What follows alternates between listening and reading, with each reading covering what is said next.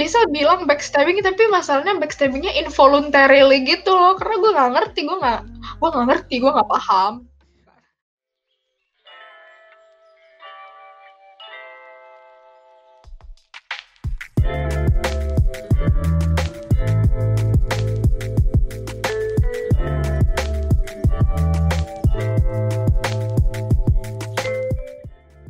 Hi, welcome to the first episode of Nada's Vibes.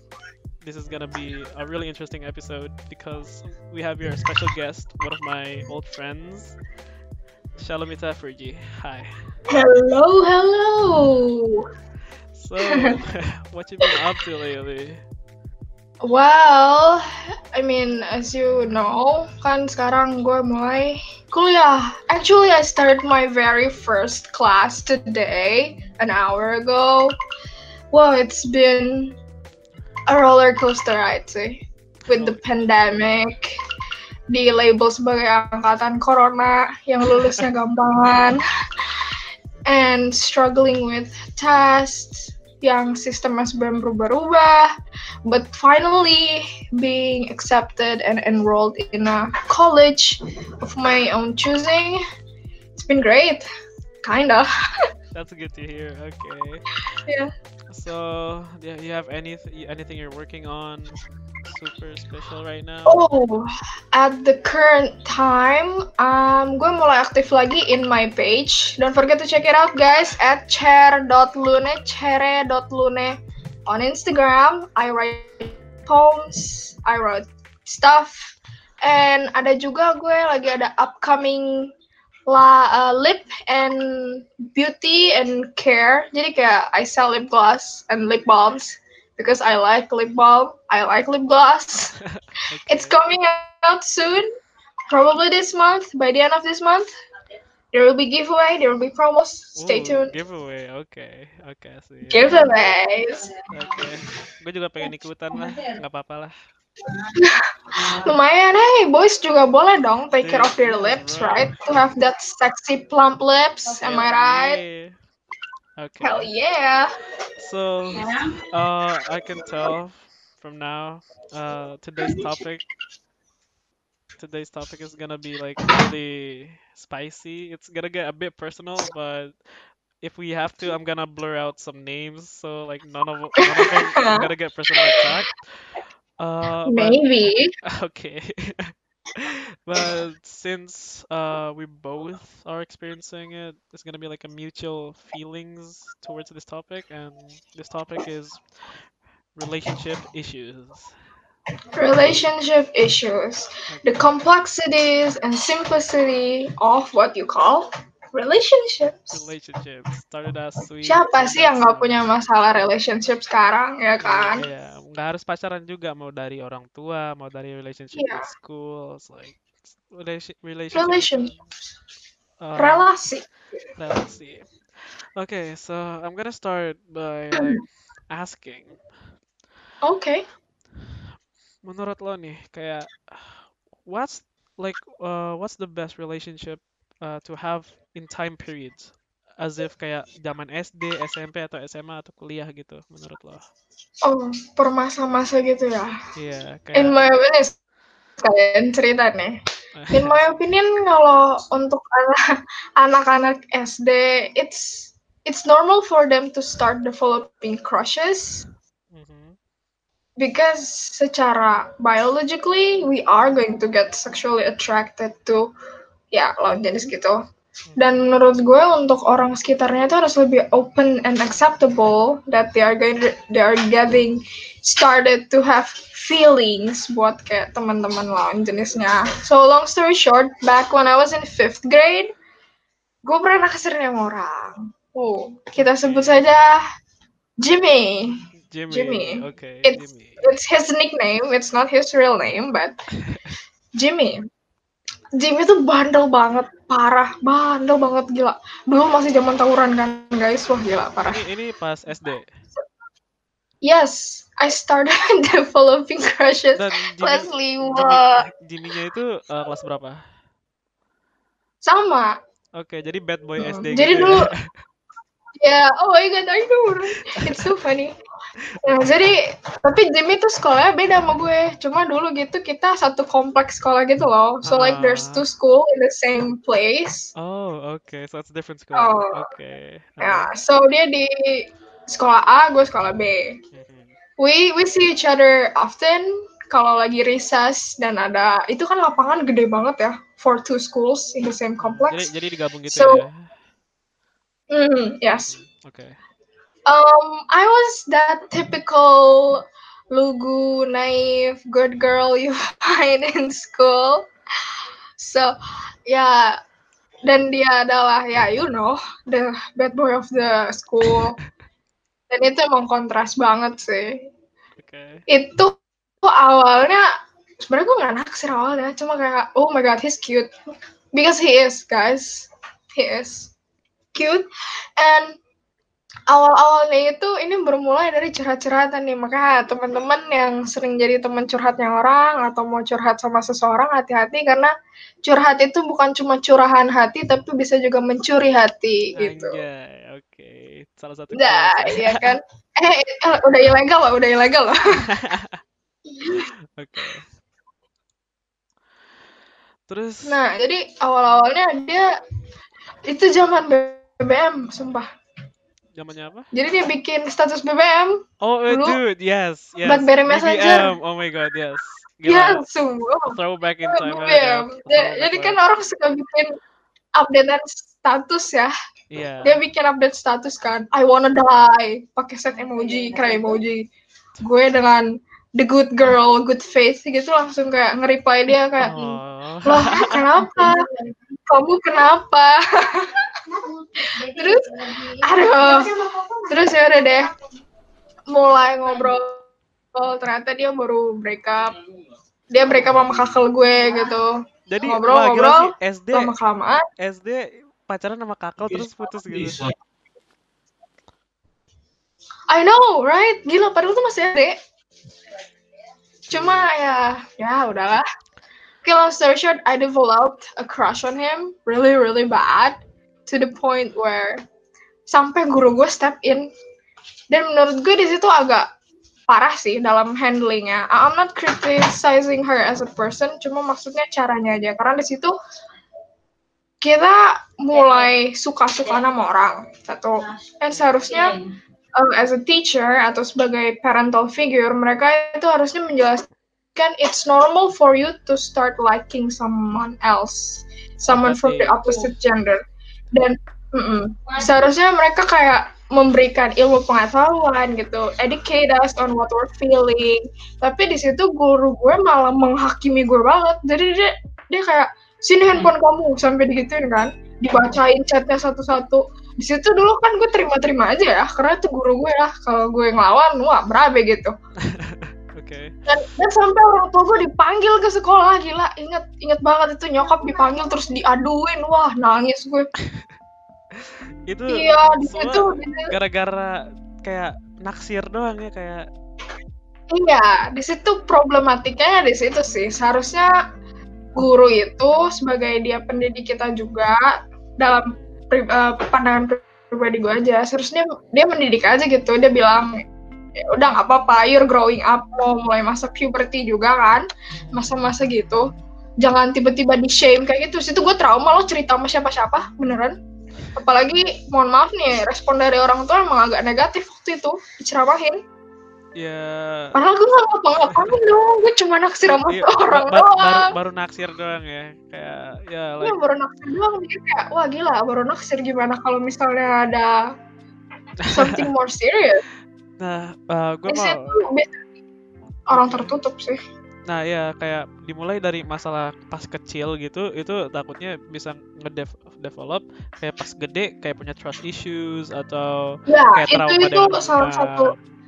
Gue rasa sampai detik ini gue punya trust issues gara-gara kejadian traumatik Gara-gara itu, ya. sih. Padahal itu itu itu benar-benar iya. traumatic pa- experience padahal masih dibi- bisa dibilang kayak itu kejadian konyol gitu lah masih SD masih oh no masih nggak tahu apa-apa lah naksir intinya gitu. orang. Heeh. kita juga nggak ngerti konsep cinta-cintaan tuh kayak gimana gue di anak SD gue cuma ngertinya dia keren gue suka sama dia Iya gitu. tapi karena mungkin orang dewasa konsep mereka terhadap suka-suka nama cinta-cintaan tuh beda mereka langsung assume the worst gitu nggak sih Ya. makanya mereka langsung responnya kayak gitu dan gue kayak gue gak ngerti apa-apa. Pernah sampai kalau nggak salah bokap gue ngomong kayak gini waktu itu. Dia bilang kamu mau masa depan kamu hancur gara-gara gini? Sebagai anak kelas 5 SD kayak apa hubungannya? Belum like like I don't I don't I don't understand. Oke. Terus konsepnya beda. Terus lo pernah cerita Nah, ini eh eh, pas eh, masa-masa SMP kan itu kayak udah cerita novel banget kan kayak cerita Wattpad banget kan. Aduh, Aduh. guys. I oh gila sampai detik ini juga teman-teman kuliah gue gue manggil gue Heather guys Heather. because of my story. Iya, Karena kayak kisah itu tuh Heathernya yang di SMP itu. Oh, which one nih? Kan banyak. Waduh, yang lo ceritain itu loh kayak like tiba-tiba eh lo sebagai seorang mantan bisa sahabatan sama orang yang jadian sama gitu eh, mantan lo gitu. Oh, that one ya. Oke. Yang yang lo cerita itu, yang lo pernah cerita ke gue itu itu. Dan gue nggak tahu Oh ya, ingat. sama yang hal lain. Oke, oke, oke. Ya, long story short, gue punya BFF, ride or die, dari awal masuk SMP sampai akhir sampai sekarang. Let's give her a name. Al gitu. Ini cewek ya tapi. Si Al ini emang udah sahabat banget gitu dari dulu. Dan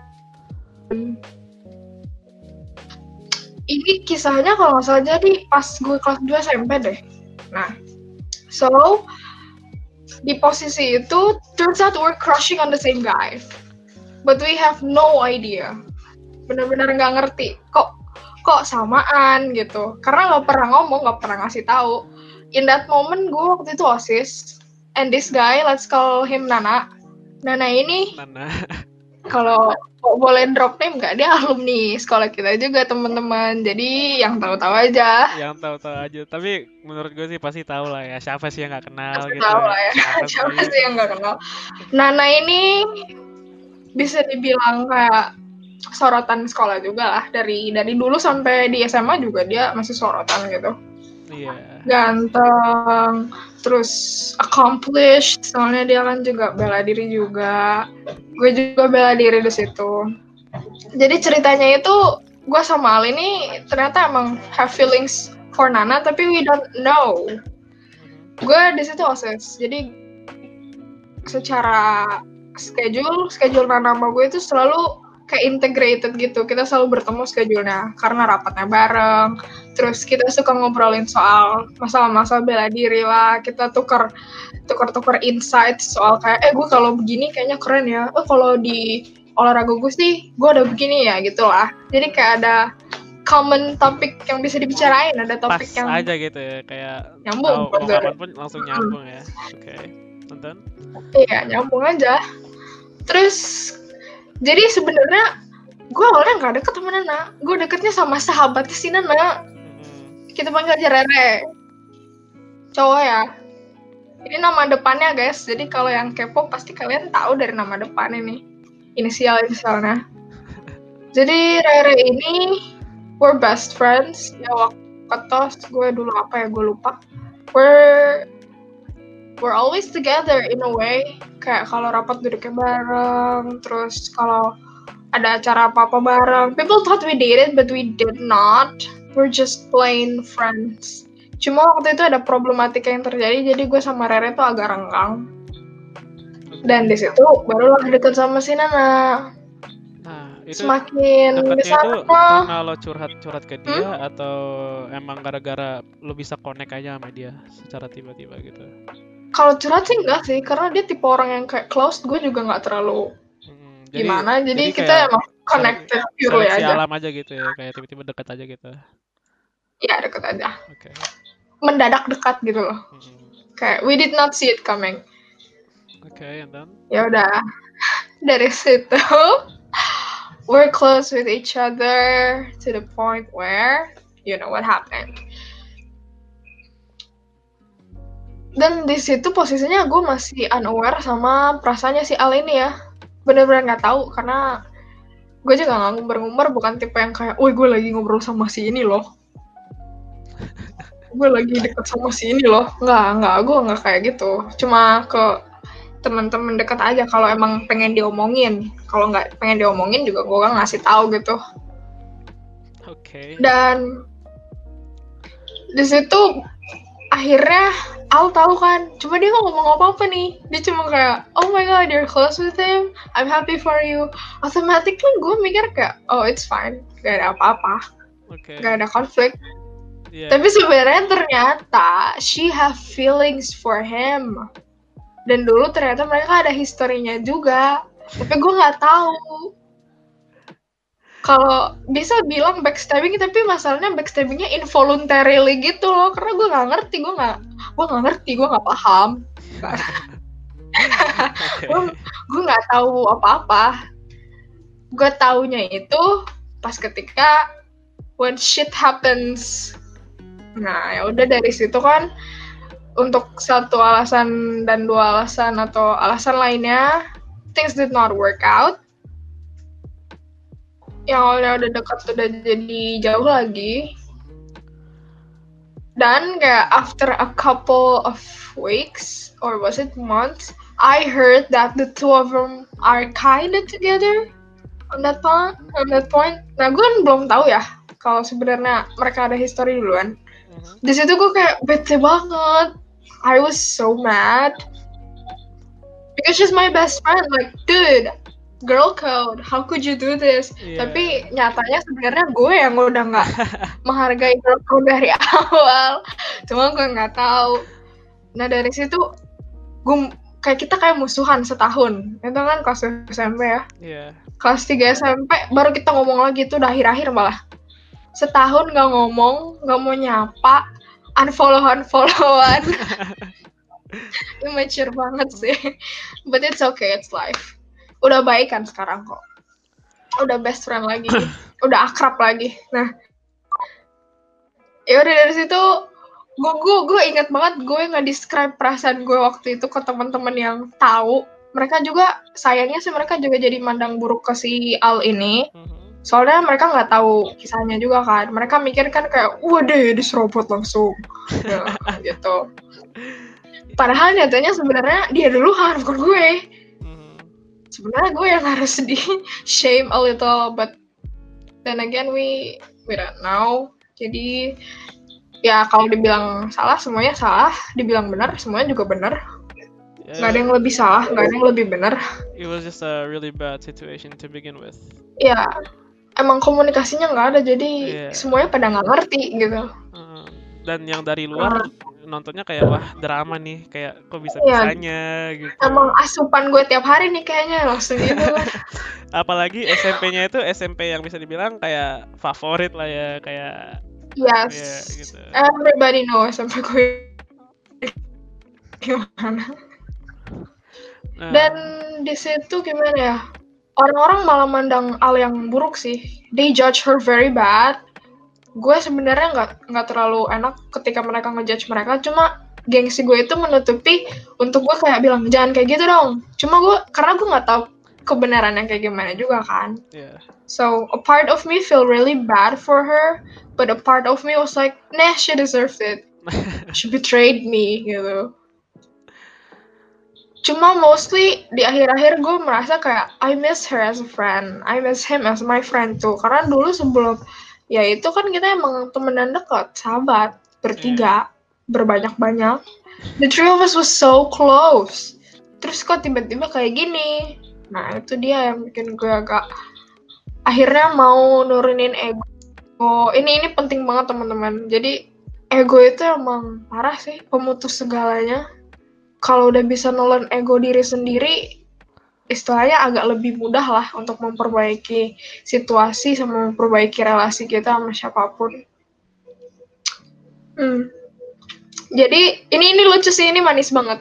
sebenarnya bukan gue yang mulai duluan untuk meminta maaf atau berbaikan itu inisiatif dari lah eh dari si Al-nya dari si Ali sama Nananya sendiri Jadi, jadi waktu itu gitu. pulang sekolah nah, mereka yang duluan yang inisiatif buat kayak baikan yuk pulang sekolah tuh. Gue inget banget gue baru mau keluar kelas tiba-tiba Ali datang.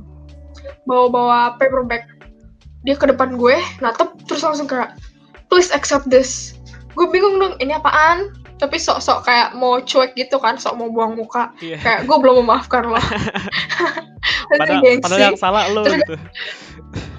padahal dalam hati gue wah akhirnya nih. Dia ngobrol sama gue gitu nah di situ dia kayak please accept this. Gue kayak ini apa deh? Kayak tolong shalom lo lihat dulu terima aja dulu. Kalau misalnya lo nggak terima lo balikin ke gue juga besok nggak apa-apa gitu. Tapi tolong terima dulu aja sekarang dibaca. Oke gue terima gue pulang pas di mobil gue buka paperbacknya itu gue ingat banget isinya ada surat satu flash disk satu sama Nutella I love Nutella. Oh, yang ini ya. Jadi, gue, gue tahu, iya. sebagai kayak iya kayak persembahan untuk minta maaf dia memberikan gue Nutella. Gitu. Luluh dong di situ. Walaupun masih ada ego-ego gengsi tapi kayak luluh aja. Langsung gue foto tuh. Wah gue banget gue langsung foto. Gue buka suratnya. Di situ dia juga ngasih tiga sharpie sama ada notes kayak uh, I cannot quite erase the mark you left on me. Itu kayak permainan kasih karena itu marker terus quote-nya mark gitu. Jadi itu simbolismenya. Dia ngasih marker karena gue memberikan sebuah mark di dia yang dia nggak bisa hapus gitu. Nah. ya udah akhirnya gue buka di pas banget waktu itu presentasi jadi gue bawa laptop. Flash disknya langsung gue connect ke laptop pas gue buka itu ada empat voice note minta maaf. Ada surat lagi Google Docs apa MS Word gitu surat. Sama ada video permintaan maaf di situ ada Ali ada Nana dan ada dua temen gue yang lain yang agak gue musuhin juga waktu itu. Di situ mereka benar-benar minta maaf panjang lebar. Mereka ngomongin apa yang mereka udah rasain selama setahun gitu kita nggak ngobrol. And di situ I cried because I miss them so much as a friend. Abis dari situ itu hari Jumat kalau nggak salah. Hari Seninnya gue memberanikan diri untuk kayak menghapus ego atau rasa gimana. Dan gue samperin kayak makasih ya udah dikasih itu. It's okay. I forgive you now. Dan ketika udah baikan udah udah nggak ada badai-badai itu lagi Ali ini cerita kelengkapannya ke sebenarnya tuh kayak gimana di situ gue merasa bersalah banget beneran jadi selama setahun itu gue itu udah kayak misjudge her as a person dan seharusnya orang yang lebih tahu diri tuh gue gitu kan Mhm. because when I was really close with Nana, she was hurting so much as a person. She was happy for me, tapi dengan happy-nya ke gue, for me itu dia menyakitin dirinya sendiri gitu, to accept the situation. Dan di situ gue clueless, and I was so egoistical untuk selama setahun gak ngomong sama mereka itu sih. Especially gue gak mau dengar penjelasannya Ali sama sekali kan. Tapi gue Ya. salut sih kayak thank- dari apa dari alinya itu kayak sampai sekarang masih mau temenan gitu sama lo kayak to let that all behind. Iya, I know. We we both feel super betrayed dan yang gue thankful itu adalah kita berdua kalau ngeliat ke belakang, kalau ketemu nih lagi ketemuan, terus ngomongin itu pasti ketawa doang. Kayak oh my god, dulu kita kayak gini ya. Nggak nyangka, Iya, bener-bener udah nggak ada hard feeling soal itu. Itu itu pertemanan yang langka sih soalnya gue tahu beberapa Iya. orang kayak misalnya ada entanglement kayak gitu mereka musuhan seabadi gitu kayak ketemu aja udah langsung Musuhan gitu. abadi. Iya. Hmm. Emang thankful juga sih gue dia punya kayak kebesaran hati yang mau kayak bahkan dia inisiatif loh padahal kan istilahnya gue yang udah gimana gitu sebenarnya Iya. walaupun di situ gue merasa sakit hati juga jadi sekarang itu jadi inside joke saja dan kita bertiga Nana, Ali, and me kalau ketemu kita ketawa aja. Emang semua orang tuh heran kayak kalau bisa sih balik ba baikan lagi setelah musuhan setahun gara-gara yang kayak masalah ginian. And kita kayak nggak tahu. I guess we love each other more as friends, makanya kita mau ngelupain apa yang udah kejadian gitu. And Gitu. Penting sih. Buat penonton si Ali sama Nana ini is still going strong till today. Oh iya, oh iya guys, mereka kan akhirnya bareng ya. Itu yang bikin konflik. Sampai detik ini they're still together and I root for them. Beneran Yeah. gue kayak, wah untunglah, untunglah kalian tuh udah paling klop, you are my Right? OTP. Like they're, they're like really cute couple, bro. They are su- such a cute couple. Kayaknya pasti tahu lah siapa ini ya. Dan kalau ada yang mau tiba-tiba mau menghalangi atau datang di tengah-tengah mereka, I'm gonna throw hands. square up, bro, square up. Don't you dare. Tapi kata gue sih kayaknya nggak mungkin sih. Udah mereka tuh udah sejauh ini. I I guess they're kayak match made in heaven somewhat.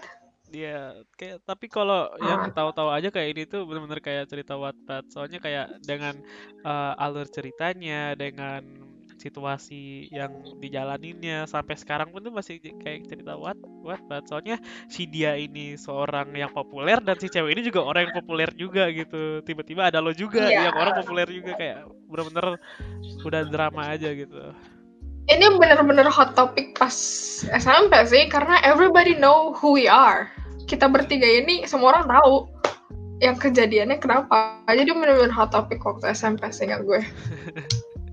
Kalau ada bulletin mungkin udah dijadiin itu ya, udah dijadiin kayak hot topics of the week or month. Ya, something like that. Istilahnya kayak gossip magazine worthy lah. Oke, nah eh, gue punya pertanyaan lo buat lo nih. Kan di kisah lo yang tadi tuh, itu kan merusak pertemanan. Walaupun sekarang udah baik-baik, tapi pada saat itu ya, itu kan merusak pertemanan banget tuh. Cuman gara-gara bisa Iya. dibilang cowok gitu. Nah, is it really Mm. worth it to fight for a guy or a girl or the one that you have liking to? Is it worth it to lose a friend? In my personal opinion itu relatif banget ya kalau worth to lose a friend over something atau enggak. Karena ya ya, if you're gonna follow your heart, don't forget to take your brain with you. Itu itu yang gue pegang. Boleh aja ikut kata hati, tapi otaknya dibawa, jangan Nah, ditinggalin. yeah, like people need to listen to Mhm. that advice like very Yeah. very much. Kebanyakan orang terlalu bucin atau bahkan hilang dari kehidupan pertemanannya karena dia lupa bawa logikanya. Iya. Rasionalitasnya lupa dibawa. Istilahnya gini deh, uh, this is what my friends always told me. Kayak lo kalau mau fokus sama your partner, jangan lupa kalau kita udah ada duluan. Istilahnya kalau sama dia udah nggak barengan lagi, ya mereka bakal ada. These friends will still be there before and after. Dan kalau ditanya is it worth it to lose a friend over relationships? Itu bergantung lagi sih. Kalau misalnya teman ini cannot be happy for you kayak nggak ada alasan yang kayak gue gitu lah. Kalau misalnya miskom gitu-gitu kan sebenarnya nggak worth it ya kehilangan teman gara-gara miskom. Cuma kalau ini orang sengaja emang nggak seneng ngeliat lu seneng atau kayak malah jadi toxic untuk relationship juga emang kalau emang dia doesn't bring any positive views into your life in your relationship drop them. Drop them. kalau pribadi gue ya. Karena lain kali temen bisa berubah nggak jadi temen ketika dia udah punya agenda ter- Nah, tersendiri yeah, gitu. Kadang-kadang agak susah sih di mana teman emang teman sama bis kayak bedain teman yang punya agenda. Nah itu dia entah buat pansos lah entah buat deketin temen lo lah but we've nah. all been there we've all been there or to use you itu banyak banget sih Oke, okay. uh, jump ke masa-masa SMA nih baru sekarang iya. oh SMA wah banyak nih wah banyak.